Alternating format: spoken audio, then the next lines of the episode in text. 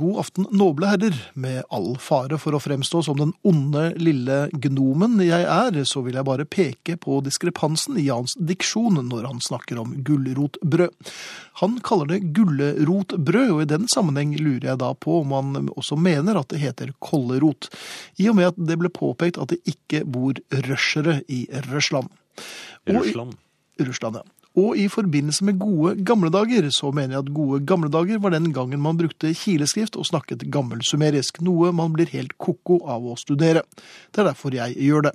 I tillegg, er det sikkert, eh, i tillegg til at det sikkert kommer til å bli, kommer, kommer til å bli kraftig efterspurt i arbeidsmarkedet. Hilsen Kyrre på Finnskogen. Ja, men nå skriver han at han, Eller Kyrre.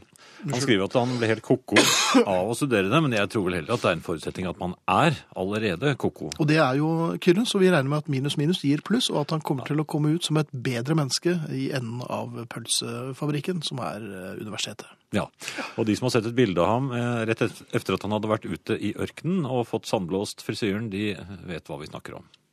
Ja. Ja. Vet vi hva vi snakker om? Nei. Nei.